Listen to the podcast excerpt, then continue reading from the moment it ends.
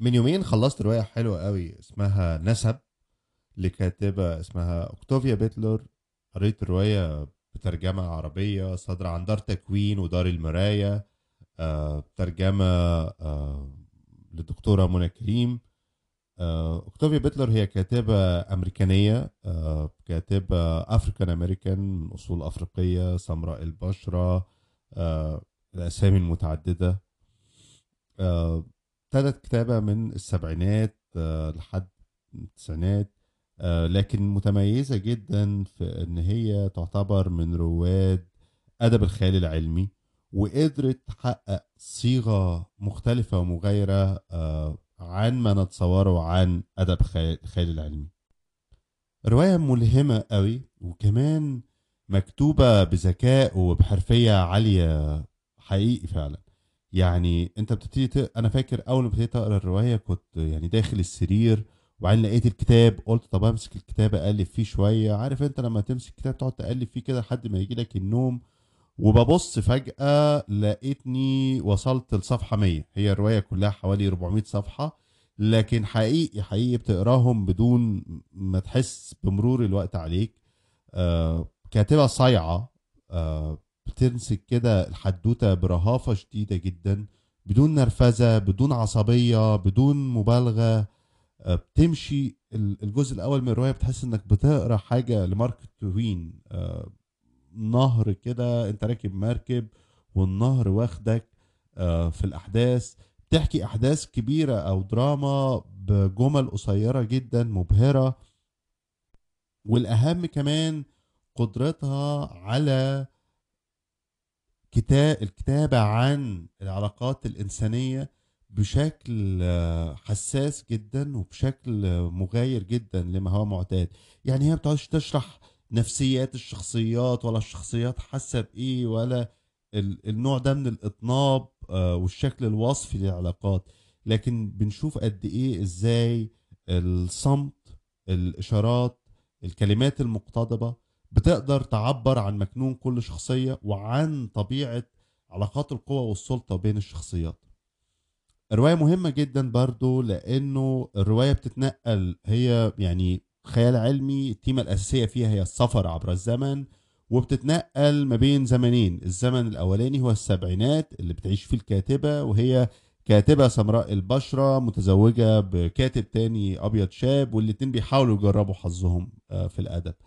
الجزء الثاني من أحداث الرواية بتدور أحداثه سنة 1819 آه وقت صعب جدا. آه صعب في في في نشأة أمريكا. البلد كانت شبه في بداية الاستقرار لكن في نفس الوقت العبودية والممارسات العبودية كانت متوحشة. لم يتم إلغاء العبودية وقتها.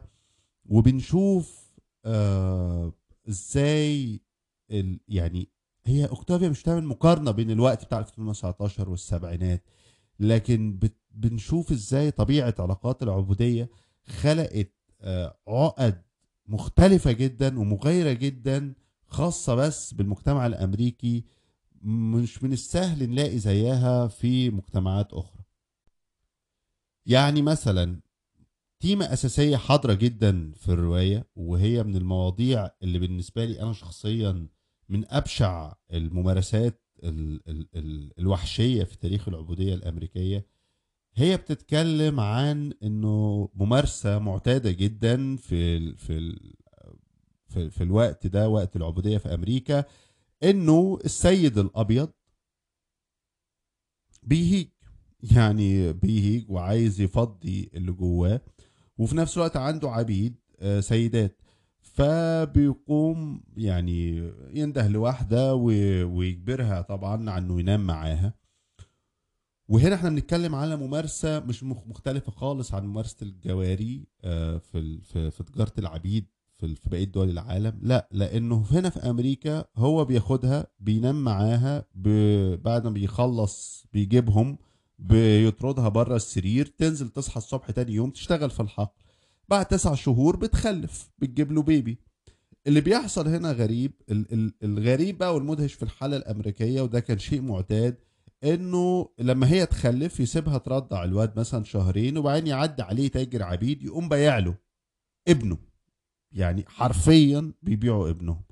وده حاجة ممارسة كانت متطرقة جدا وبينظر ليها بنوع من الفخر لأنك كمان كده بتنمي ثروتك اقتصاديا. إنك تجيب عبدة وبعدين تقعد تنام مع العبدة ديت تخليها تخلف كل ما تخلف تاخد ولد من ولادك وتبيعه.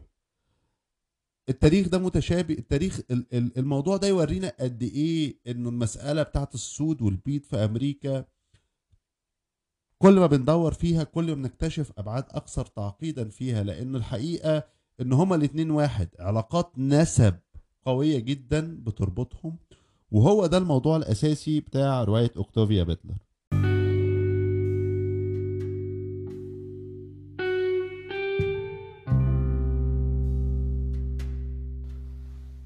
أنا أحمد ناجي وأهلا بيكم في حلقة جديدة من بودكاست عشوائي. حلقتنا النهاردة عن أوكتافيا بيتلر رواية نسب العبودية الرقيق مصر أفريقيا ومواضيع عشوائية أخرى.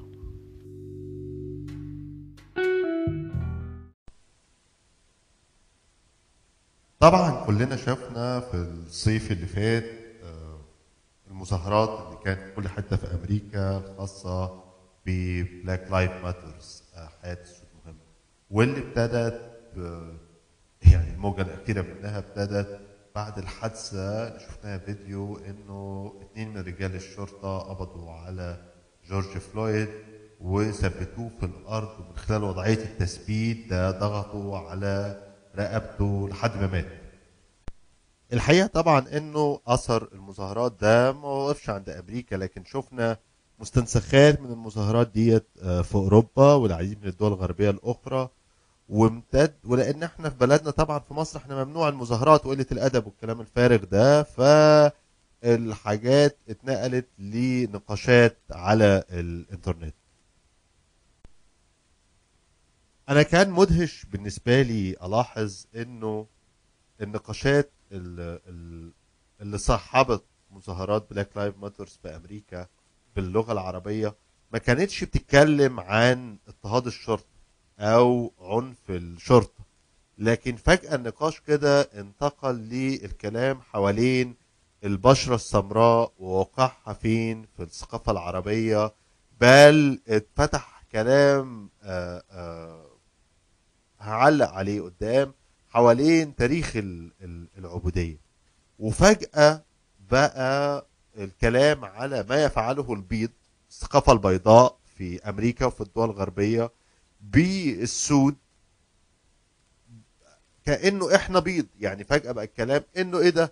إنتوا بتقولوا إن إنتوا بتأيدوا مظاهرات السود في أمريكا؟ إذا كنا إحنا في الدول العربية عندنا اضطهاد الأفارقة وعندنا تاريخ عبودية لم نعترف به والحقيقة ال- حصل عجن كبير كده وحاجات دخلت في بعضها آه لدرجة إنه أنا من كام يوم حد على تويتر بعت لي post آه لصديقي العزيز آه أنديل. وكان كاتب post طويل قوي مدخل حاجات عجيبة فيه قوي من أول الإمبرالية الإسلامية تاريخ العبودية إن إحنا بنكره السود إحنا عندنا تمييز عنصري. آه، حسيت كده بعجن شوية وحابب بما إنه النهارده بدأنا حلقتنا بالكلام على رواية أوكتافيا بيتلر أعلق شوية على شوية تفاصيل مهمة في النقاش الخاص بالسود وتاريخ العبودية وإيه الفرق بين تاريخ العبودية في أمريكا وتاريخ العبودية في بقية العالم ووضع آه، السود والنظرة للبشرة السوداء في أمريكا غير بقية دول العالم.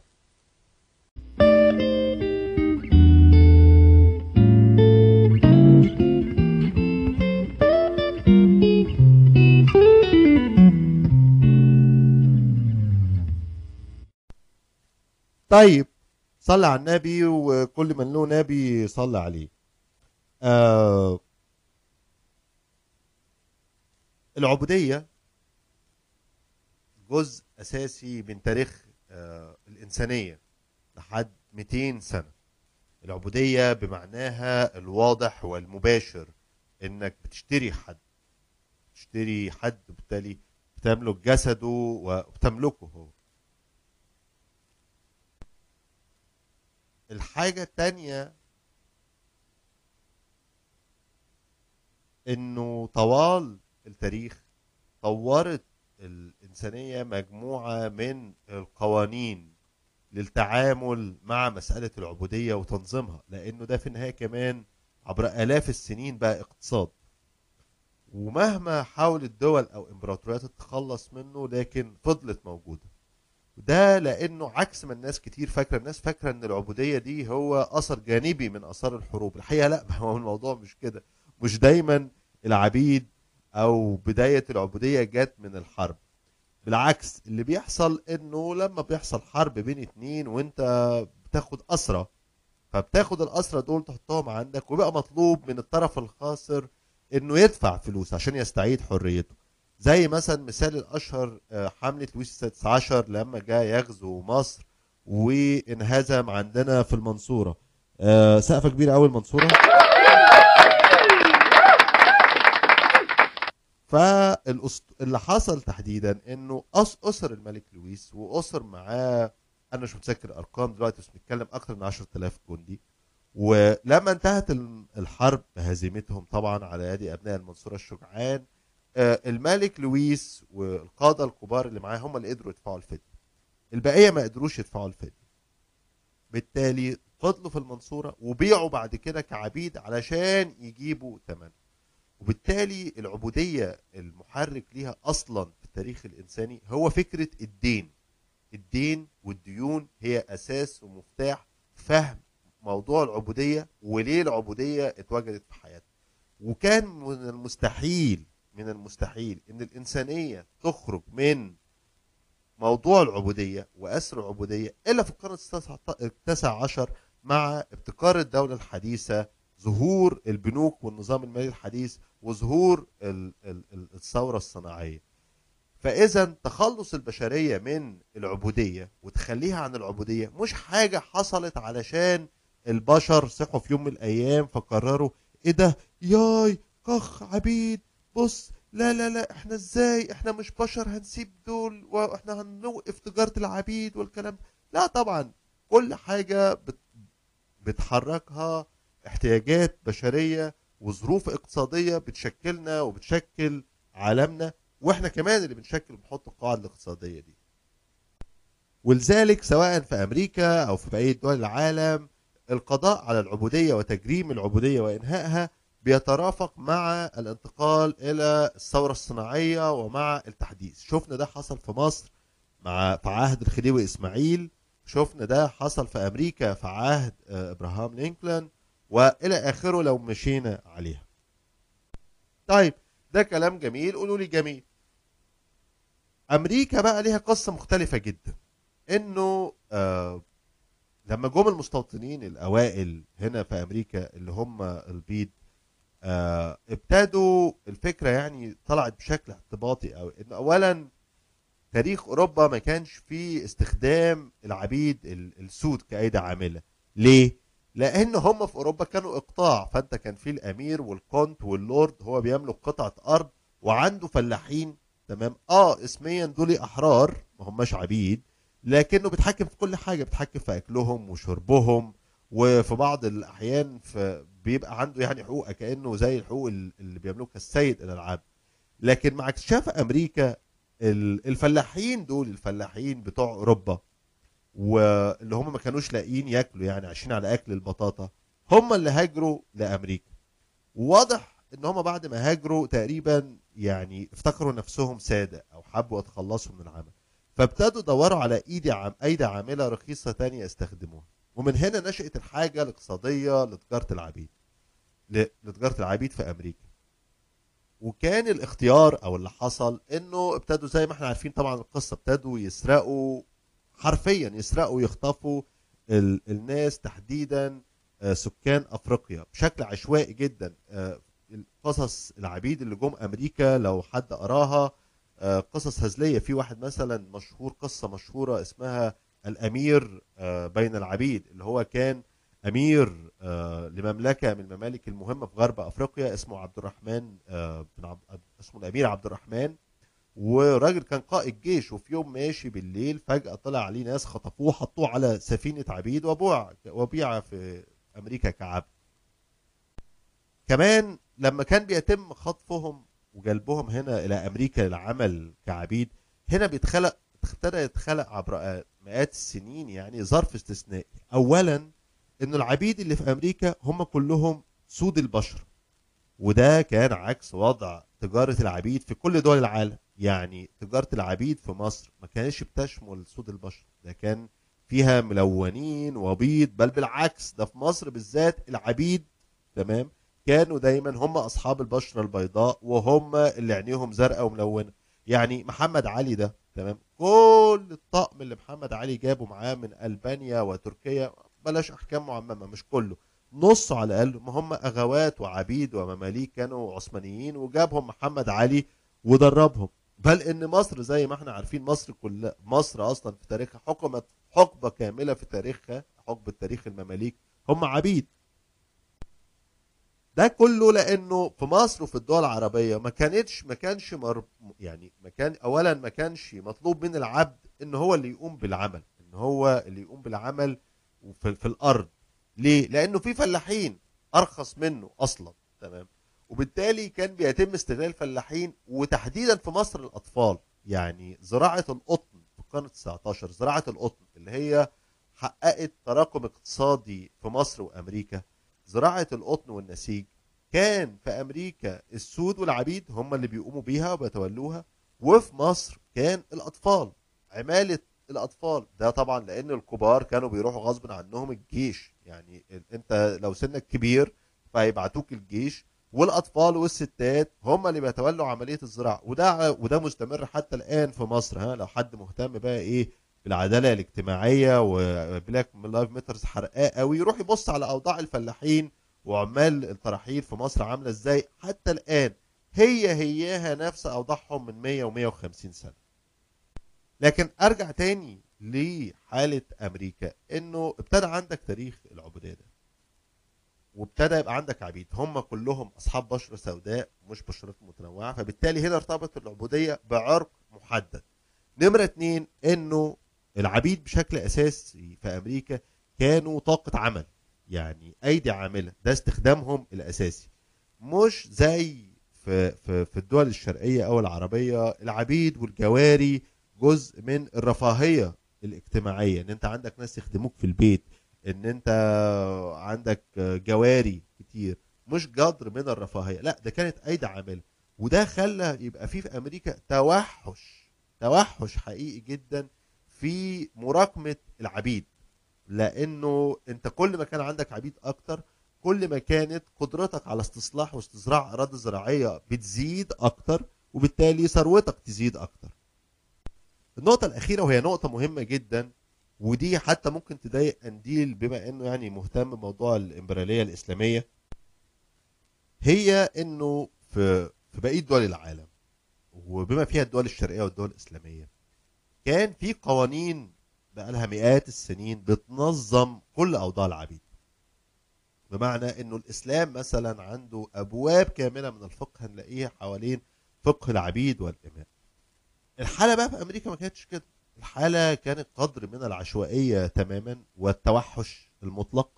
وبعد كده حتى لما تأسست الولايات المتحدة الأمريكية كل ولاية كان ليها قوانينها اللي بتنص على معاملة العبيد. مثلا اديكم فرق بسيط قوي عشان نفهم القدر من المعاملة. إنه في أمريكا أنت لو اشتريت عبد آه العبد ده مش عاجبك أو ضايقك اقتله موته خلاص جثة وخلصنا منها عبد يقول لك بتاعي فلوسي. ده ما كانش الوضع لا في الدول العربية ولا في الدول الإسلامية. بالعكس هنلاقي مثلا إنه دكتور خالد فهمي في واحدة من مقالاته الشهيرة اللي كان بيتكلم فيها عن التعذيب في مصر بيحكي واقعة حصلت في القرن 19 في مصر إن واحد من البشوات بتوع مصر كان عنده عبد والعبد ده هرب وبعدين جابوه بعد ثلاث أيام وبعد ما جابوه ربطوه في الاسطبل جلدوه لحد ما مات. فلما الخبر وصل للخديوي الخديوي اتدخل واتعملت محاكمة. اتعملت محاكمة ليه؟ لأن في الدول الشرقية والدول المركزية حتى في الدول الشرقية اللي أنا بتكلم على الهند أو الصين تمام؟ أنا الملك أنا الوحيد اللي عندي الصلاحية والشرعية إن أنا أنزع الحياة أو اهبها لأي حد سواء حر أو عبد تمام؟ وفي التشريع الإسلامي الروح ملك ربنا فبالتالي أي حد حتى لو عبد لا يجوز قتله إلا بناء على آه، آه، تشريع محدد أو جرم ارتكبه وبحكم قضائي وبموافقة الولي اللي هو الملك أو الأمير أو الخليفة أو ايا كان. لكن في أمريكا حيث السداح مداح أو زي ما بيسموها بالإنجليزي ال Wild West كله ماشي عادي أصلا يقطع في بعض. وبالتالي ما كانش في أي قيمة للروح دي. وبالتالي كمان ما كانش في أي قوانين بتنظم عملية خلفة العبيد دول ورثهم لو السيد أو واحد حر تجوز اتجوز بعبد حرية العبد ده إزاي ان هو يستعيد حريته؟ كل ده كان فوضى مطلقة زي ما كنا زي ما بقول لكم مثلا في رواية أوكتافيا باتلر آه، نسب إنه السيد بي بي بينام مع العبده بتاعته لحد ما تخلف ويبيع ولاده. طبعا ده وضع ما كانش موجود مش هقول حتى في الثقافة الإسلامية ده من قبل الثقافة الإسلامية عند العرب ولا حتى عند ال- ال- ال- المصريين القدماء ولا حتى في حضارات كتير جدا. بالعكس في الإسلام وعند العرب. لو الجارية العبدة يعني خلفت من سيدها ولدت من سيدها فهي بتفضل ملك يمينه لحد ما يموت. وأول ما يموت هي حرة. تمام؟ يعني ما ينفعش يبيعها. دي أول حاجة. وما ينفعش يورثها كعبدة لأن هي بقت أم ولد. تمام؟ الولد اللي اتولد من هذا الزواج هو ولد حر. طبعا ده كلام أنت لو رحت سافرت من 200 سنة ورحت دخلت على سيد أبيض أمريكي وقلته له هيقول لك إيه التجديف ده؟ طبعا أنا كل ده آه، مش عايز أقول إنه لا العبودية عندهم ما كانتش زي العبودية عندنا أو إحنا عبوديتنا أحسن أو زي الكلام بتاع المعرسين الإسلاميين مثلا. شفت تعليقات دخلت عند أنديل أو أو لما فتح ده يقول لك لا لا لا لا ده الإسلام ده هو اللي حرر العبيد. لا طبعا ده كلام تهريج جدا يعني والناس ترجع لتاريخ ال- ال- الدولة الإسلامية. آه، أنصح مثلا بقراءة ما كتب الدكتور محمود إسماعيل عن ثورة الزنج وغيره من المؤلفات اللي وثقت لثورات الزنج اللي هم العبيد يعني وانتفاضاتهم لكن اللي عايز أقوله إنه وضع أمريكا الخاص تمام ما خلى العبيد دول اللي خلى العبيد دول باختصار شديد جدا هم من عرق واحد هو العرق الأسود خلاهم هم في حرفيا اللي بيبنوا البلد لوحدهم وخلى كل اضطهاد وقع عليهم لدرجة إنه كان في مقولة مشهورة في أمريكا في القرن 19 أثناء مناقشة آه، فكرة تحرير العبيد إنه كان يقول لك إحنا هنحرر العبيد إزاي؟ إحنا لو حررنا. وجود العبيد مهم علشان الناس البيض الاغبياء ال... ال... هم كلهم أغبياء الحقيقة. الناس البيض الفقراء يلاقوا فئة أخرى يطلعوا فيها آه، غزهم وقهرهم الاجتماعي. حاجة طبعا منتهى التوحش ومنتهى الزباله لكن في المقابل اللي عايز أقوله إنه آه وارد في الحضاره الاسلاميه أو في مصر في اضطهاد للعبيد وتاريخ بشع أكيد تمام. لكن هم ما كانوش اولا ما كانوش عرق واحد ده كانت عروق مختلطة وبالتالي ما كانش ينفع إنك توصم كل واحد ذو بشرة سمراء إن هو عبد.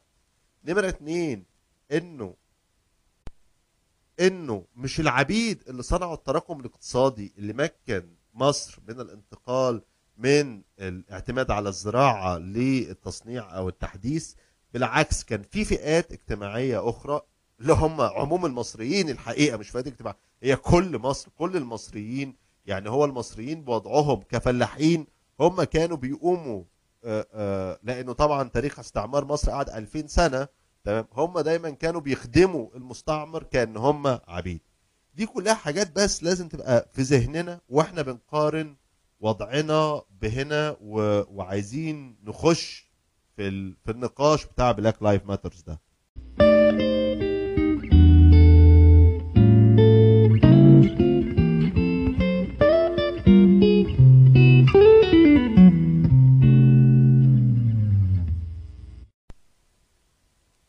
كل ده كل ده ملوش بقى ده مختلف تماما عن إن إحنا نتكلم على تمييز اتجاه أصحاب البشرة السوداء. أمريكا بعد ما أعلنوا آه، إلغاء العبودية في نهاية القرن 19 ده ما كانش بمثابة إلغاء بالعبودية. تمام. لأن أمريكا دخلت في حالة تانية اللي هو نظام الفصل العنصري اللي كان مستمر وموجود في أمريكا وفي جنوب أفريقيا وفي دول كتير جدا.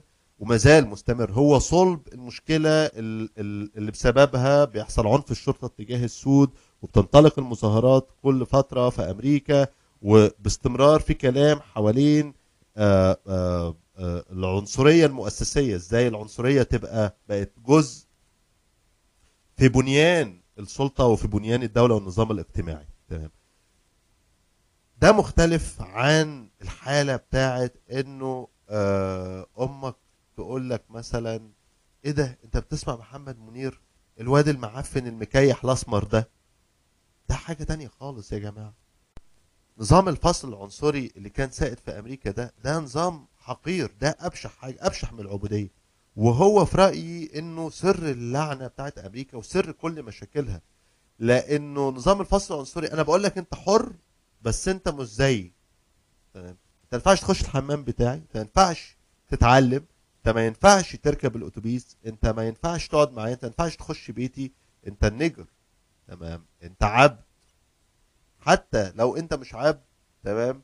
لا رسميا يعني على الورق لكن الحقائق لكن أنا م... انت مش زيي انت أسود وبالتالي انت غبي انت ذميم إلى آخر كل التصورات العنصرية والكريهة الملحقة بأصحاب البشرة السوداء. لكن دي مش كانتش بس شتيمه ده بناء عليه هم كانوا بيمنعوا من حقوق أساسية حقوق زي التعليم والصحة لحد دخول الحمام. وهو ده كان الوضع في أمريكا والوضع ده في أمريكا لحد الستينات ولحد الآن في ولايات كتيرة وفي حتت كتيرة. في ولايات هنا في أمريكا يعني بسمع إنها قصص بشعة يعني. وكان هو ده كمان النظام لحد آه، 90 سنة 90 في جنوب أفريقيا مثلا. تمام. السؤال بقى هل أصحاب البشره.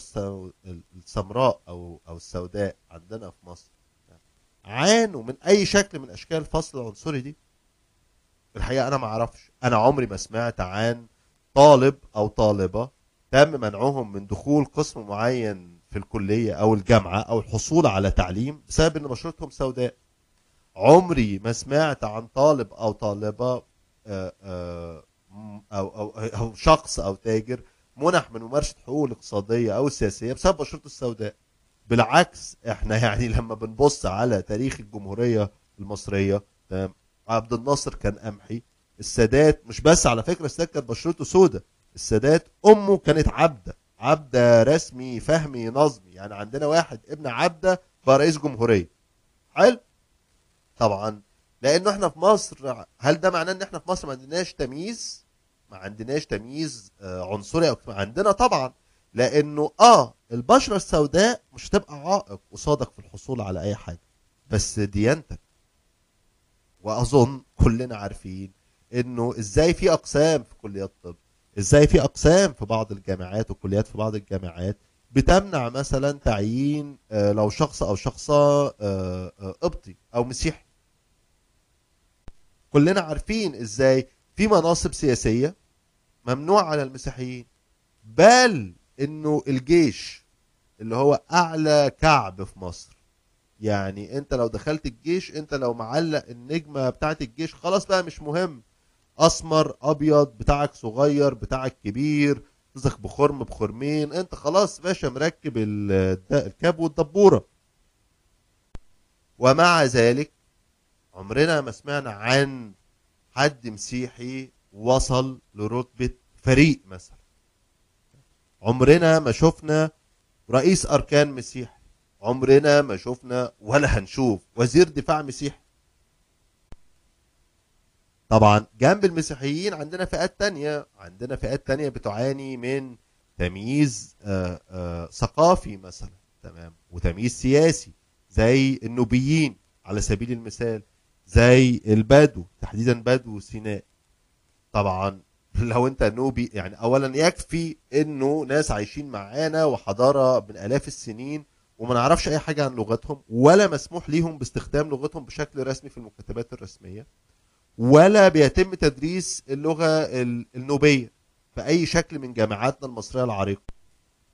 نفس الشيء فيما يخص البدو أدينا شايفين أهو قدامنا بقالنا سبع سنين بيقصفوا بال... بال... بالدبابات وبالمدافع وبالطيارات تمام؟ ولا أي حد بيفتح بقه. بيطلعوا على التلفزيون تفتح التلفزيون تلاقي كلام زبالة. زبالة سواء من لواءات أو مذيعين أو إعلاميين وإهانات في البدو ومنتهى الجهل والتسخيف والتحقير من ثقافاتهم وتاريخهم. وكل ده طبعا كل دي أي نعم فئات اجتماعية لكن الفئة طبعا الأكثر اضطهادا في مصر ودهسا هو الستات. يعني آه، آه، أنا في رأيي بقى إيه؟ هو الناس بتتكلم على Black Lives Matter عايزة تعمل توازي هو وضع الستات في مصر الحقيقة. إنه وضع آه، في منتهى آه، يعني أنا مش لاقي مش لاقي مش لاقي كلمة توصف يعني ناس هم فعليا زي وضع وضع الفصل العنصري هنا. يعني اللي هو واحدة تبقى ماشية في الشارع في أمان الله عادي جدا يطلع عليها واحد يرش عليها مية نار يبعبصها ي- يقلعها شوية عيال يتلموا يتحرشوا عادي جدا. والحاجات تتصور وترفع على النت ويطلع محامين يدافعوا.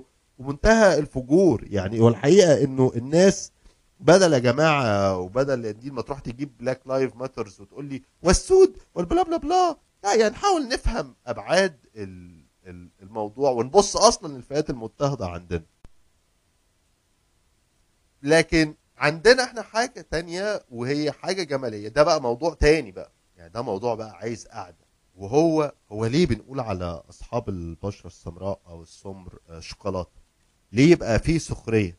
ليه يبقى فيه نظرة ليهم إنه مستوى جمالهم أقل من أصحاب البيض؟